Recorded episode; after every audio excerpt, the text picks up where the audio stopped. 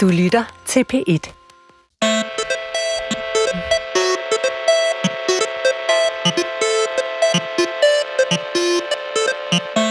Termush, Atlanterhavskysten, er Svend Holms dystopiske og samfundskritiske roman fra 1967. En klassiker, står der på forsiden af den genudgivelse, som kommer i butikkerne den 9.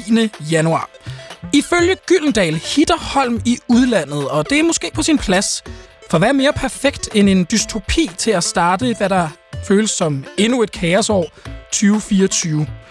Og nu tænker du nok, hvem er det, som er i min radio? Det er da ikke Mathias Hammer, og det har du helt ret i. Mr. Hammer er taget på en velfortjent ferie og har overladt denne uges anmeldere til mig, Gustav Hagil. Med i årets første udsendelse har vi Anna Jul, forfatter til dystopien Penge og Bacon, samt romanen Superskurk. Velkommen til. Tusind tak. Og så har vi radiovært og nørd ud i sci-fi, dystopi og fantasy, Jakob E. Hinchley. Velkommen til dig. Mange tak. I dag spørger vi, lever vi i dystopiens tidsalder, og er Termush, Atlanterhavskysten, den bog, vi har manglet? Hvad lærer den os om, hvordan mennesket reagerer, når katastrofen rammer? Og giver Svend Holm os håb, eller er det nærmere en formaning om, at det hele nok skal ramle sammen alligevel? Velkommen til anmelderne.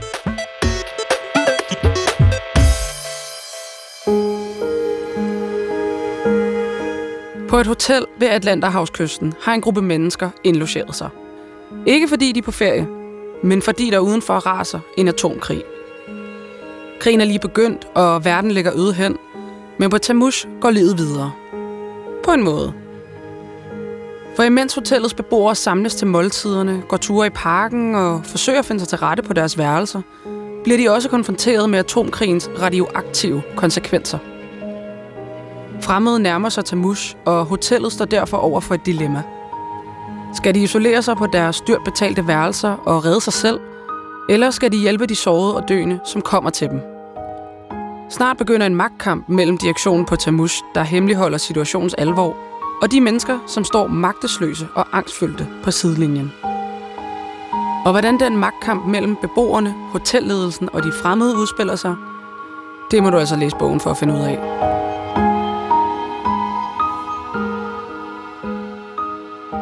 Jakob og øh, Anna, her inden vi starter, vil jeg gerne lige høre, kendte I Svend Holm, inden jeg satte jer til at læse øh, Termush? Og jeg er så vild med, at du stiller det her spørgsmål som det første, fordi jeg har overvejet, om jeg skulle lyve. Fordi jeg føler mig så dum over, at jeg ikke aner, hvem han er. Jeg havde øh, hånden på hjertet, jeg havde aldrig hørt om ham. Jeg aner ikke hans kontekst i forhold til dansk forfatterskab, og jeg er pinligt berørt over mig selv. Anna? Øh, meget enig. Altså, han har jo et bagkatalog på længde nærmest med Bjørn Reuters. Ja, Øhm, embarrassing. Meget, ja. Jamen, jeg kendte ham nemlig heller ikke. Og øh, derfor så var jeg så intrigued, da, vi, da jeg så den her udgivelse, og tænkte, den, øh, en klassiker, den skal udgives i seks nye lande, det er kæmpestort op. Altså, jeg har aldrig hørt om øh, Svend Holm før. Men når jeg så alligevel valgte, at jeg synes, vi skulle læse den her til, til årets første udsendelse, så er det fordi, at på en eller anden måde talte den ind i en følelse, som jeg har gået med i noget tid, som er den her at vi lever lidt i dystopiernes tidsalder. Mm. Altså, der er noget angstprovokerende, der er noget, der er ved at ændre sig. Enten er det, at Vesten falder fra hinanden, en, en lidt overbrugt øh, metafor er, at vi lever i Rom sidste dage, eller også så er det, at øh, klimaet er ved at brænde jorden af. Altså, kan I genkende den følelse? Ja, eller ja, b- både ja og nej, og måske. Øh, øh, forstået på den måde, at jeg ikke er gammel nok til sådan reelt at kunne udtale mig om, øh, om, om det vidderligt var bedre øh, i gamle dage, eller om det bare var lort på en anden måde. Altså, jeg, du ved, der er tit sådan, om 90'erne var fedt, Mm. øh, og bekymringsfrit, men jo ikke for alle. Altså en Nej. kæm- kæmpe AIDS-epidemi, for eksempel. Og altså, så, sådan, så jeg kender totalt følelsen, men jeg kan også nogle gange få det sådan lidt, særligt lige efter den her underlige uge mellem jul og nytår, hvor alle folk er sådan, ej, hvor har det været et dårligt år, og nu bliver det jo igen et dårligt år, sikkert. Og sådan.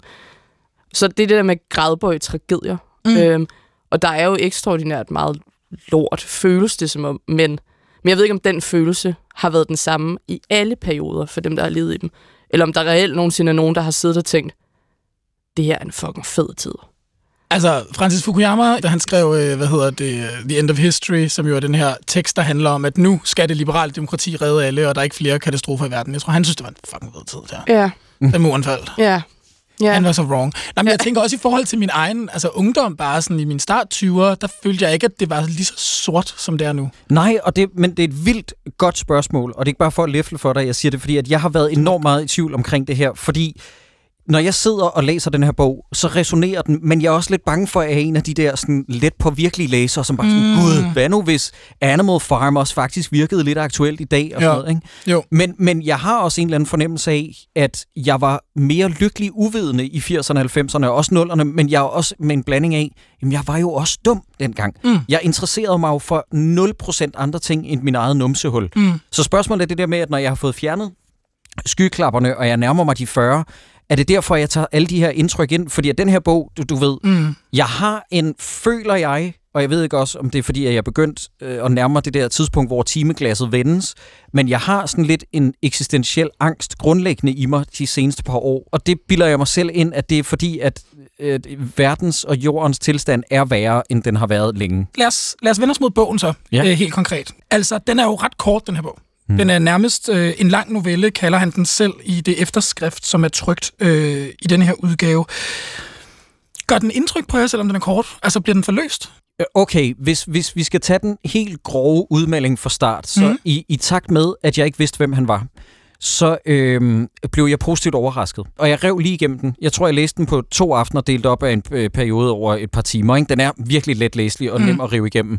Den har sådan en art dagbogsform, og det tog mig faktisk lidt tid, åbenbart fordi jeg er temmelig ubegavet, men det tog mig lidt tid at gennemskue, at det var det, der var formen, fordi at til at starte med irriterede det mig lidt, fordi at hvis, hvis jeg skal læse, og det, om det er fantasy, eller gys, eller øh, postapokalyptisk øh, fiktion, så vil jeg gerne have, at det er mere sansligt. Og jeg synes virkelig, at jeg savner nogle af beskrivelserne med du ved, sådan lugtene og følelserne, og hvordan de andre mennesker ser ud og sådan noget. Jeg synes, den er, jeg synes, den er grænsende til minimalistisk beskrevet. Altså, øhm, jeg har jo meget stor respekt for folk, der fatter sig i korthed. Ja. Øhm, altså, vi elsker jo alle sammen Karl Ove Knavsgaards Min Kamp. Øhm, men nogle gange er det også rart ikke at læse 3.000 sider. Ja. Øhm, så, øhm, så det, det synes jeg var øh, fedt. Det jeg godt kunne lide i forhold til, hvis man nu skal blive inden for øh, dystopi-genren, eller hvad vi skal kalde det. Så det er ret interessant, at man har en sådan mere øh, beskrivende, nøgtern grænsen til det, den apatiske fortæller. For på en eller anden måde, så synes jeg normalt i den her altså, genre, som jo egentlig spænder ret vidt, men der er jo meget sådan, overlevelsen af i, er i fokus tit, mm. og det, det er sådan, de der film handler jo, eller bøger handler jo oftest om, hvad mennesket er i stand til for at overleve. Øhm, og det der jo er i sådan overlevelsesgenet er sådan fremdrift og noget sådan action og noget bla bla bla.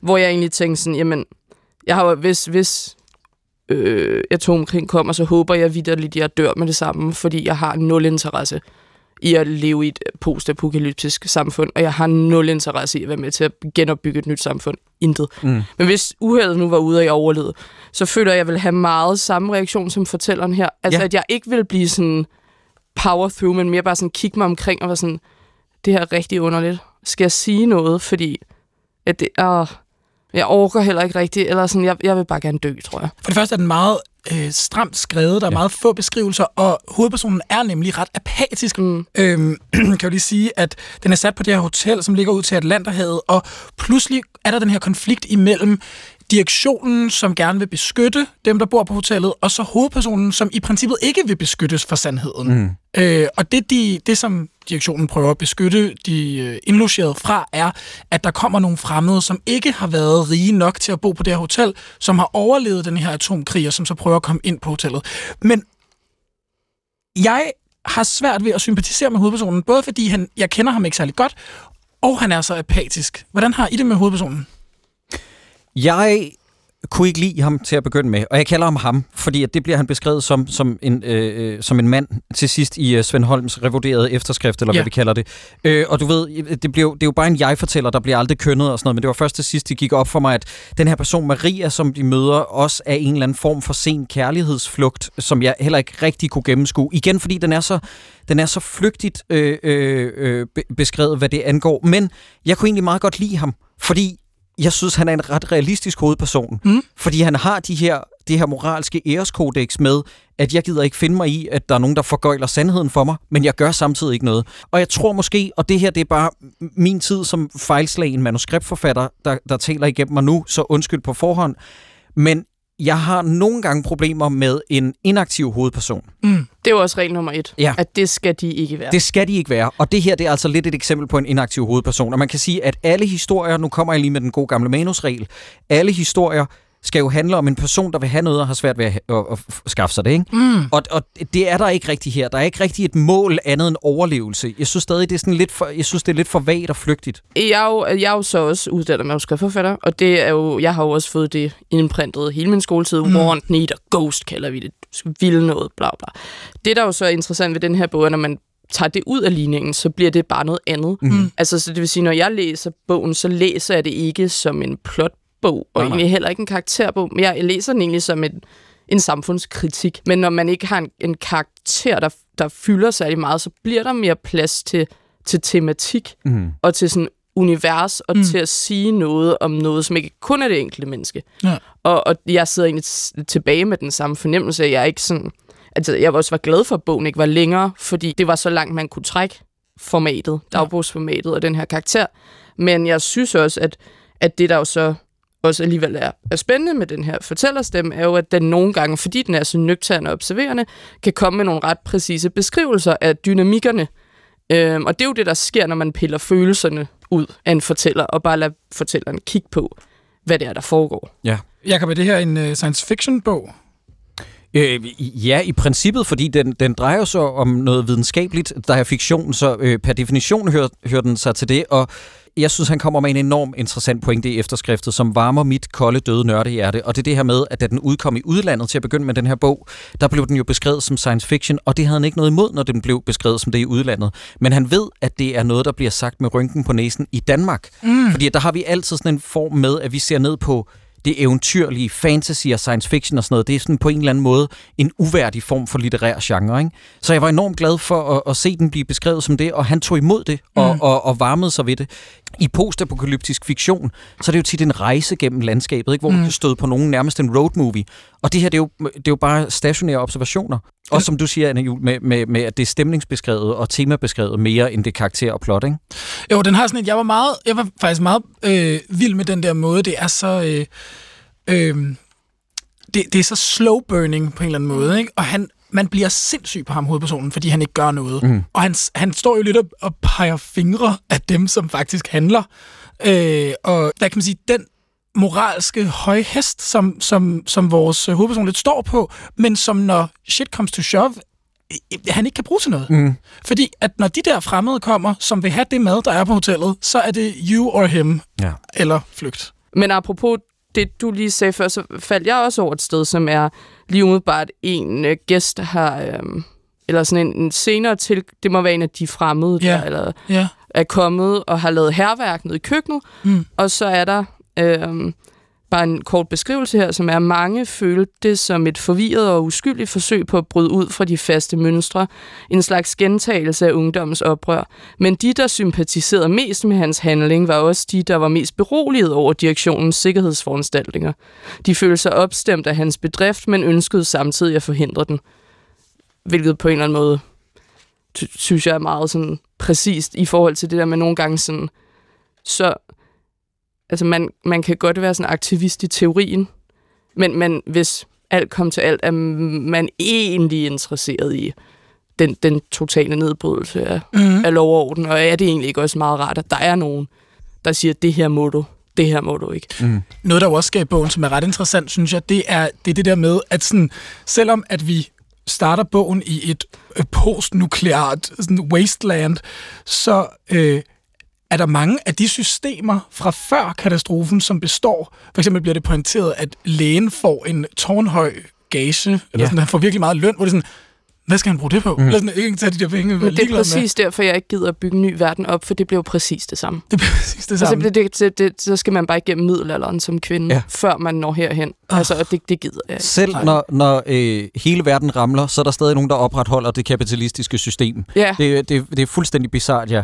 Jeg, jeg, jeg synes bare, det er bemærkelsesværdigt med det der eksempel, du læste op nu, Anna. Det, det der med, at, at det, der er intet behov, synes jeg, for at den her bog skal være i, i dagbogsform. Fordi han fortæller det ligesom en alvidende fortæller. Altså du ved, det er så far removed, undskyld, mm. jeg bruger sådan en engelsk udtryk, men det er, så, det er så fjernt for begivenheder. Der er jo intet følelsesmæssigt udsving i hans skriverier. Så han kunne lige så godt ikke have været til stede, den her fortæller.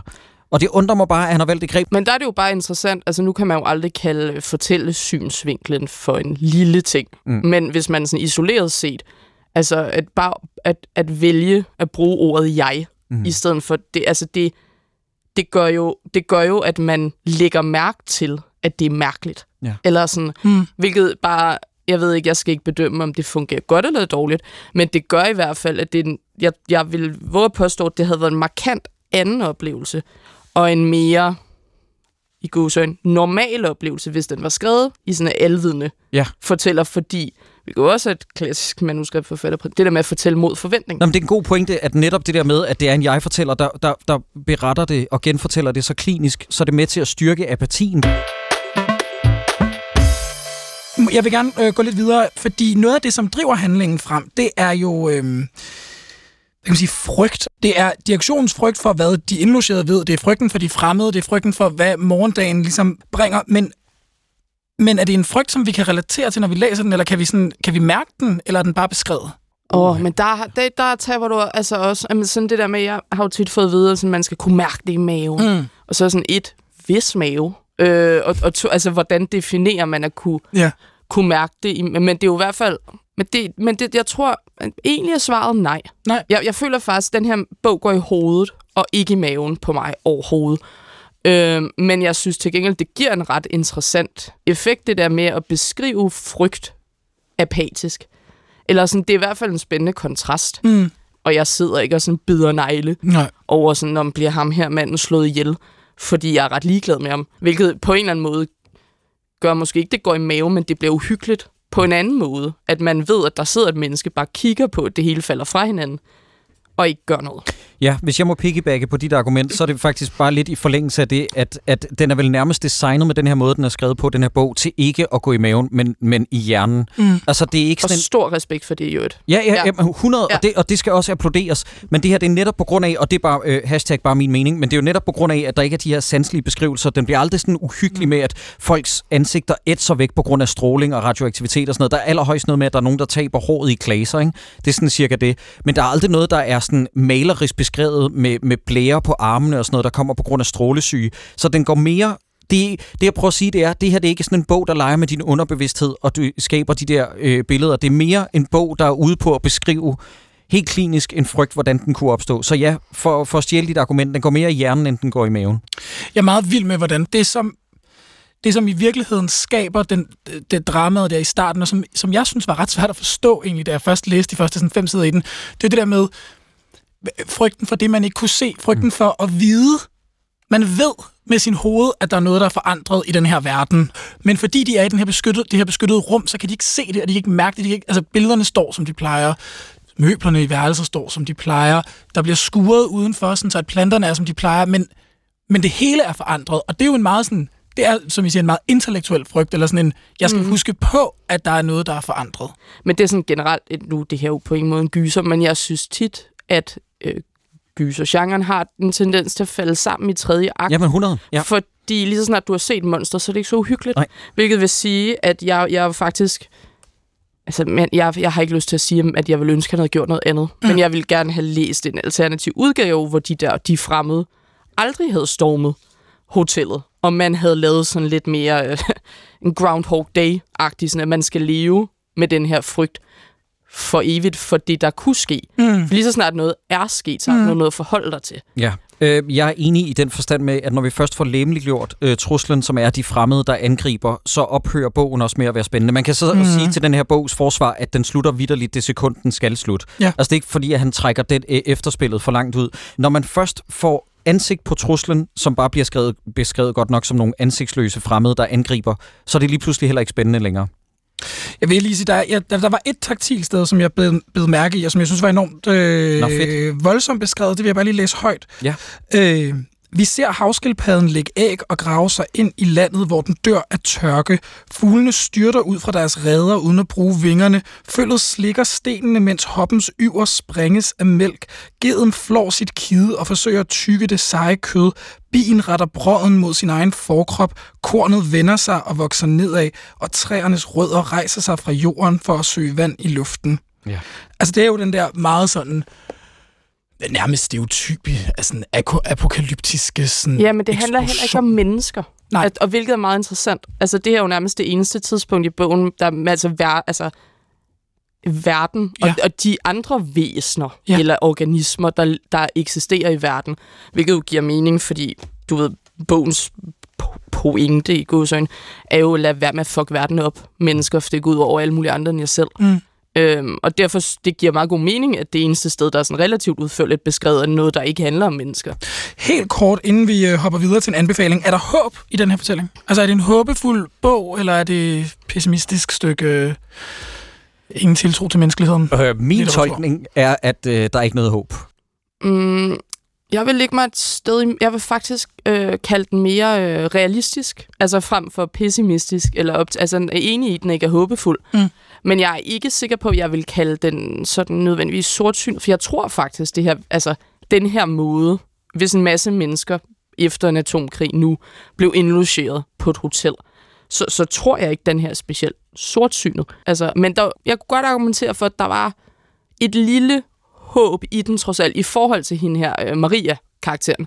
Ja. Ikke bare, men, men fordi der er et eller andet, der er et eller andet, når jeg læser den, så er der få steder, hvor de nærmest nærmer sig mm. hinanden. Ja. Og ikke fordi det er specielt udførligt beskrevet, det giver ham en eller anden følelse, men, men det eneste, man jo ikke kan tage væk, øh, hvis alt andet forsvinder, og der stadigvæk er mennesker, det er vel sådan evnen til at kunne føle kærlighed. Og, og jeg tror ikke, det er bogens pointe, at ham her, han skulle bare have kysset Maria, og så var det blevet fint. Øh, men der er jo alligevel, altså, det må være mere, altså, der må være en grund til, at han har givet hende et navn. Og han har beskrevet hende mere end alle mulige af de andre karakterer, hvilket vil sige, at, at der jo altid er et håb i en relation, også selvom det ser meget mørkt ud. Men, men jeg er enig, den stråler ikke af håb. Måske et, ah, nej, måske et lille spinkelt håb i Maria. Inden vi vender tilbage til afslutningen af øh, Termush, så øh, har jeg jo bedt jer om at tage en anbefaling med Ja, til et andet kulturprodukt. Lidt sådan en slags Netflix-algoritme, der siger, hvis du kunne lide Termus, eller hvis den, hvis den pirrede noget i dig, mm-hmm. så kig den her retning. Ja. Anna, vil du starte med en anbefaling? Ja, altså jeg vil lige starte med at sige, at- at da jeg læste bogen, sådan, så kom jeg til at tænke på stemningen i den her bog, mindede mig rigtig meget om en anden meget subtil science fiction fortælling, som hedder Take Shelter, af en instruktør, der hedder Jeff Nichols, øh, som jeg aldrig har hørt om før. Jeg vil faktisk sige meget, meget lidt, fordi det er en film med twist and turns. Med meget korte træk, så handler det, så er det en diskussion af, om om de her visioner, Michael Shannons karakter har om en nært forestående dommedag, er fordi han er skizofren, mm. eller rent faktisk kommer til at ske. Øhm, og der er det jo sådan, i min egenskab af at være skizofren, faktisk også et ret interessant øh, portræt, ikke af skizofreni, men af omgivelsernes reaktion på at møde et menneske. Øhm, skal igen ikke sige for meget, men, Nej. men et men, der stikker uden for normalen. Og så har den sådan lidt tempomæssigt enormt langsomt, lidt ligesom den her, og en fucking fed film. Se den. Nej, ja. hedder- Rigtig god anbefaling. Må jeg komme med en lidt snyd og lave to hurtige? Så skal de være hurtige. Ja, de bliver meget hurtige. Den ene er øh, øh, en film, som er faktisk er en filmatisering af netop en Jeff Vandermeer-bog, nemlig Udslettelse, som den vist nok hed på dansk, Annihilation, med Natalie Portman i hovedrollen, hvor hun rejser ind i zonen med sit hold bestående af vist nok 3-4 andre kvinder, og så sker der noget Lovecraftian shit derinde, og hvis der er noget, der er mit crack, så er det, når der er et øh, kosmisk gys i science fiction.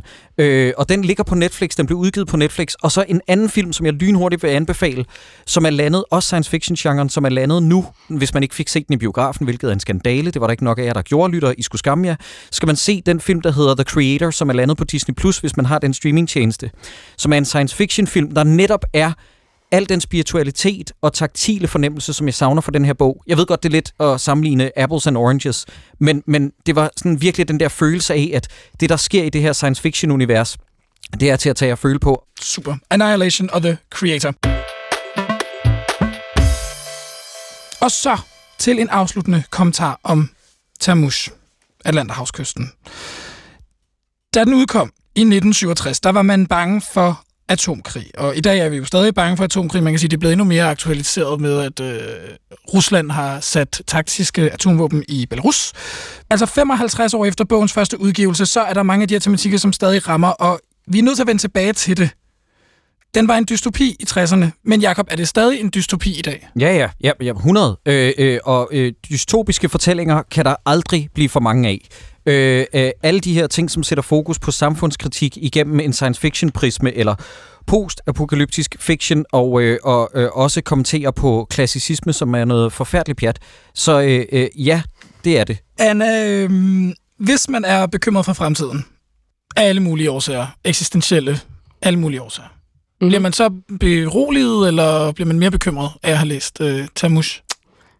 Mm, ingen af delene, tror jeg ikke. Altså, men der tror jeg generelt også, at sådan... At, men det er bare også min egen personlige kæphest. Nogle gange så prøv at, at, at blive lidt i, i, i frygten, fordi mm. på sin vis giver det jo mening. Bare lige at sætte sig ned og sige, ja, prøv at høre her, det giver helt vildt meget mening, at jeg er fucking pisse bange. Og lad, prøv at lade være med at flygte fra det hele mm. tiden. Og så skal man jo også den her bog tror jeg også vil være lige noget for Barbara Bertelsen, fordi som, som sagt, hope is not a strategy. Og hvis det ikke er en strategi øhm, det... under corona, så, så er det det nok heller ikke nu. Øhm, jeg er så glad for at slutte på Hope is not a strategy. Det er simpelthen... Øh, ja, preach girl. Girl, preach. Øh, altså, Jeff Vandermeer kalder den en klassiker på forsiden. Ja eller nej? Har han ret i det? Er det en klassiker? Ja, øh, jeg kan godt se retrospektivt øh, og i bagklogskabens lys, hvor jeg sidder og gør mig gammelklog på en kunstner, som jeg vidderligt ikke kendte for en uge siden. Jeg kan sagtens se, hvorfor den her den bliver holdt i højtidlig hævd, for jeg kan godt se dens indflydelse på meget andet fiktion nu. Også enig, øh, og den føles på ingen måde outdated. Det var anmelderne for i dag. Genudgivelsen af Svend Holms Termush, Atlanterhavskysten, udkommer på forlaget Gyldendal og er i butikkerne den 9. januar. Tak til Anna Jul, forfatter til dystopien Penge og Bacon og romanen Superskurk. Og tak til Jakob E. Hinchley, radiovært på B6 og ekspert i alt, hvad der hedder sci-fi, dystopi og fantasy. I redaktionen var det Nana Slot. Mathias Hammer, han er tilbage i næste uge. Solbrun og lækker. Jeg hedder Gustav Hagel, og tak fordi jeg måtte låne stolen. På genhør.